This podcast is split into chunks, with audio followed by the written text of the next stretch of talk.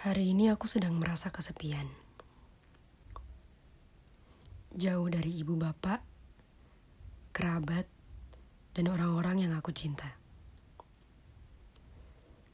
Kali ini, rindu rasanya betul-betul tidak bisa ditebus secara virtual. Kamarku yang biasanya terasa nyaman, sekarang rasanya jadi memuakkan. Terkadang aku nggak habis pikir dengan orang-orang yang abai.